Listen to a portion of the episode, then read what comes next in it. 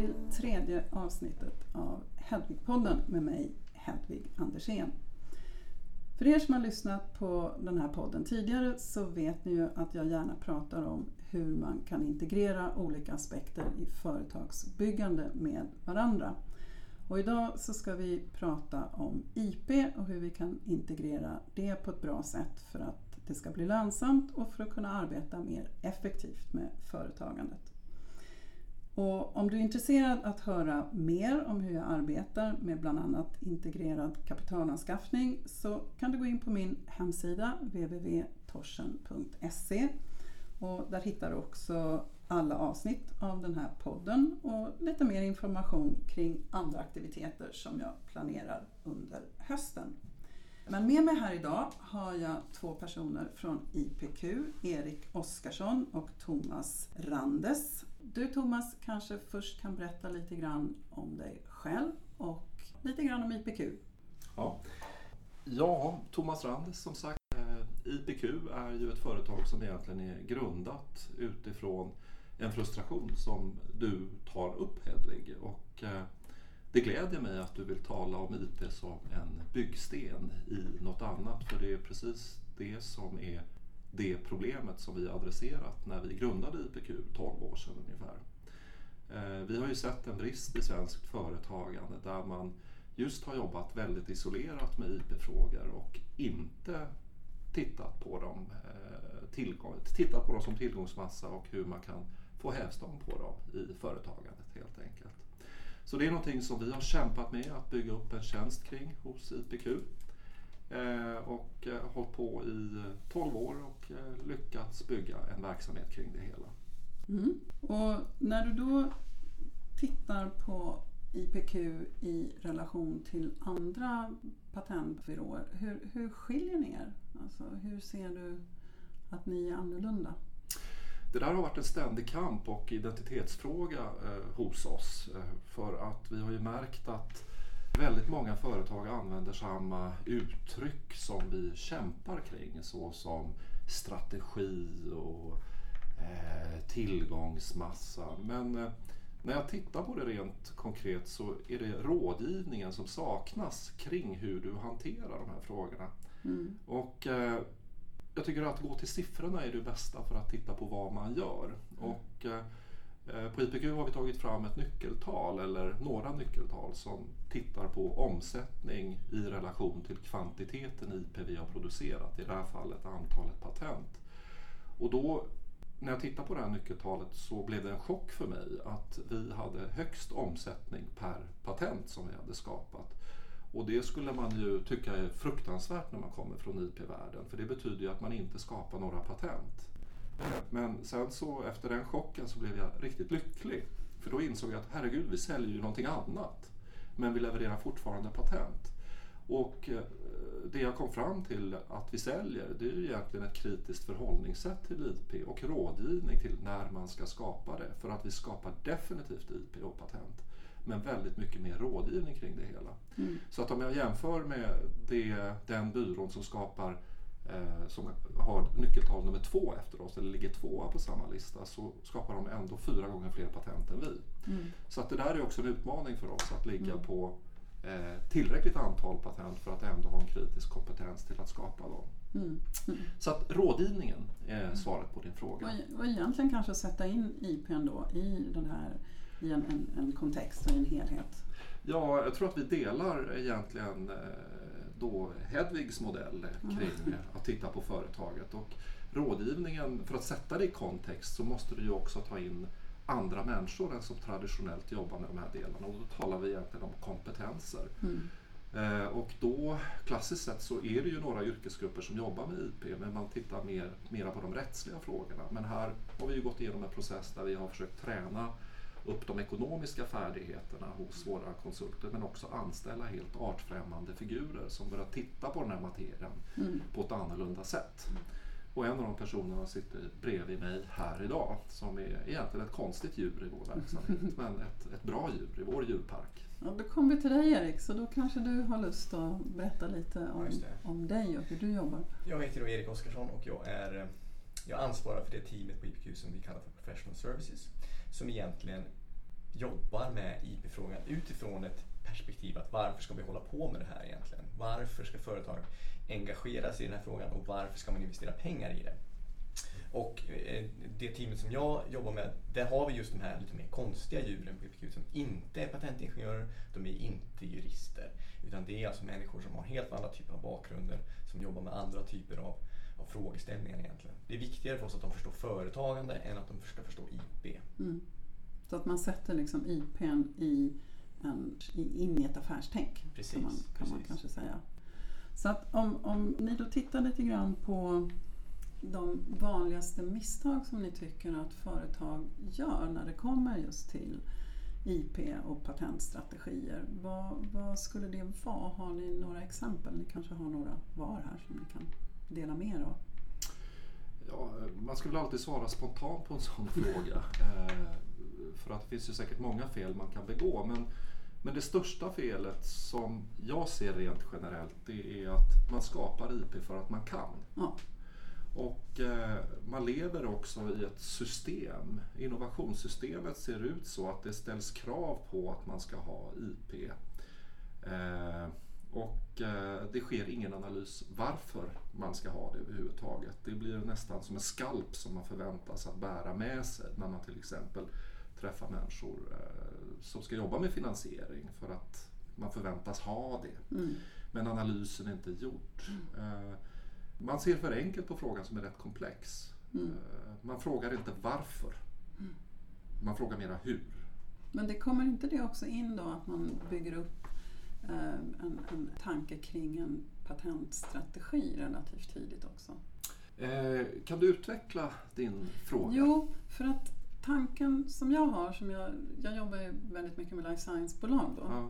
och, och där är det ju en eh, konflikt mellan att ta patent tidigt just för att man ska ha patent när Ja. man ska söka finansiering och så vidare. Och sen ska du ju ha så mycket patenttid kvar som möjligt Mm. på ditt patent när Mm. du sen ska sälja ditt företag eh, för att någon annan ska kunna tjäna pengar Mm. på det. Och sen har du en lång utvecklingstid ofta, inte minst när du ska ta fram läkemedel. Mm. Ehm, eller läkemedelskandidater. Och, och det här är ju, ligger ju i en konflikt. Mm. Och, och att då ha en, en möjlighet att titta på hur man kan arbeta utifrån en patentstrategi så att du Mm. liksom... Vet du Hedvig, den, den, eh, kommer man från den branschen så är man Mm. privilegierad skulle Ja. jag vilja påstå. För att då jobbar man med de enkla frågorna. För egentligen det du beskriver är hur kan jag säkra mitt kassaflöde? Vilken Mm. risk tar jag när Mm. det handlar om intäkternas storlek? Kommer de infalla? När? Mm, Det är ju lite det du tänker. När kommer jag få ut produkten på marknaden Mm. i förhållande till patenttidens längd? Eh, och det är ju en fråga som är väldigt specifik för den branschen.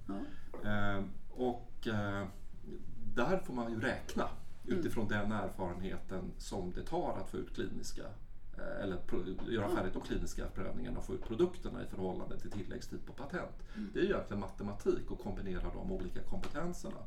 Men de svårigheterna som vi ser handlar ju mer om patent eller inte.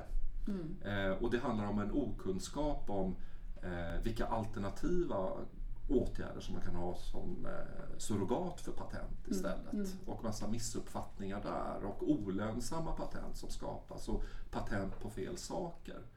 Eh, Så det största felet, tycker jag, problemet är att patenten ligger på fel ansvarsområde egentligen, eller hos fel människor. Fel människor ansvarar för patent i Okej. företag. Okej, så hur, kan, har du något exempel? Eh, Det typiska i exemplet är ju att patentet initieras från en rd sida Mm, Eh, Och eh, där är man ju som människa väldigt intresserad av att utveckla och känner en stor stolthet i den, eh, det tekniska bidraget man har gjort. Och det här utan att egentligen ställa krav på att det ska sälja. Det sker en dålig kommunikation med marknaden. Kommer det jag skyddar leda till pris eller volympremium? Den analysen sker väldigt sällan. Eh, Och eh, man lyckas inte i företag att kombinera de olika kompetenserna som krävs för att göra den här bedömningen. För patent är ju ändå en betydande investering. Du hamnar snabbt på miljontals kronor för att försvara och bygga din patentportfölj. Men det är väldigt sällan man har gjort en analys kring intäktssidan överhuvudtaget. mm, Och det är också väldigt sällan, egentligen så ser man effekten av det när man ska göra rent en patentportfölj. Det vill säga, vad ska jag ta bort? Om jag bara frågar de som har skapat uppfinningarna kring det hela så är sannolikheten att de vill göra rent portföljen, eller weeda den som vi heter, väldigt liten. För att de har sina darlings som de inte vill döda. Mm. Men vi märker att så fort vi går in och börjar ifrågasätta patenter på kommersiella grunder så kan vi halvera patentkostnaderna i vår erfarenhet. Mm. Så det är uppkomsten av dem som eh, egentligen fattas på fel grunder. Har- Hur, hur ser du på det här? Jag tycker det är intressant det är just det med att man har ett emotionellt koppling till sitt patent. Och det tror jag, det, det, kan man se ganska många gånger att, att, att just forskare har, de är stolta över de här rättigheterna. De lägger ut dem på LinkedIn och såna här grejer. Och det, finns, eh, det, det är ett litet problem i sig. Att man ser det liksom som att det är en, en, en förkroppsling av sitt eget intellekt. Eller vad man nu tänker sig att det är. Det är ju en utmaning om man vill ha kommersiellt gångbara patent. Vi, alltså det finns ju studier som säger att 95% av all, alla patent i världen eh, som är aktiva idag eh, inte de har ingen. Nej. Och det gör ju att det är någonting man måste börja, man måste börja ifrågasätta det och angripa. Varför ska vi ens lägga de här pengarna på de här rättigheterna? Mm. Man kanske kan jobba på ett helt annat sätt. I många branscher är också hastighet viktigare än att, att det tar ju 7-8 år är ett typiskt sätt att få ett patent.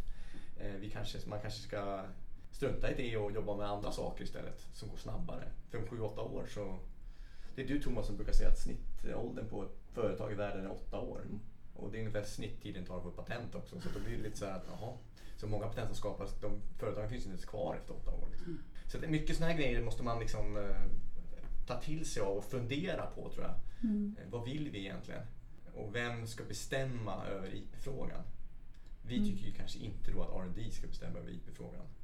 Nej, för att alltså, som, om jag hör vad ni säger så har ju det här liksom konsekvenser både för en go-to-market-strategi och för konkurrenssituationen och, och inte minst när man ska göra en exit. Så att, hur, hur kan man angripa det då? På, ser, ser ni liksom ett bra sätt man kan hantera det här på så att det inte blir fel?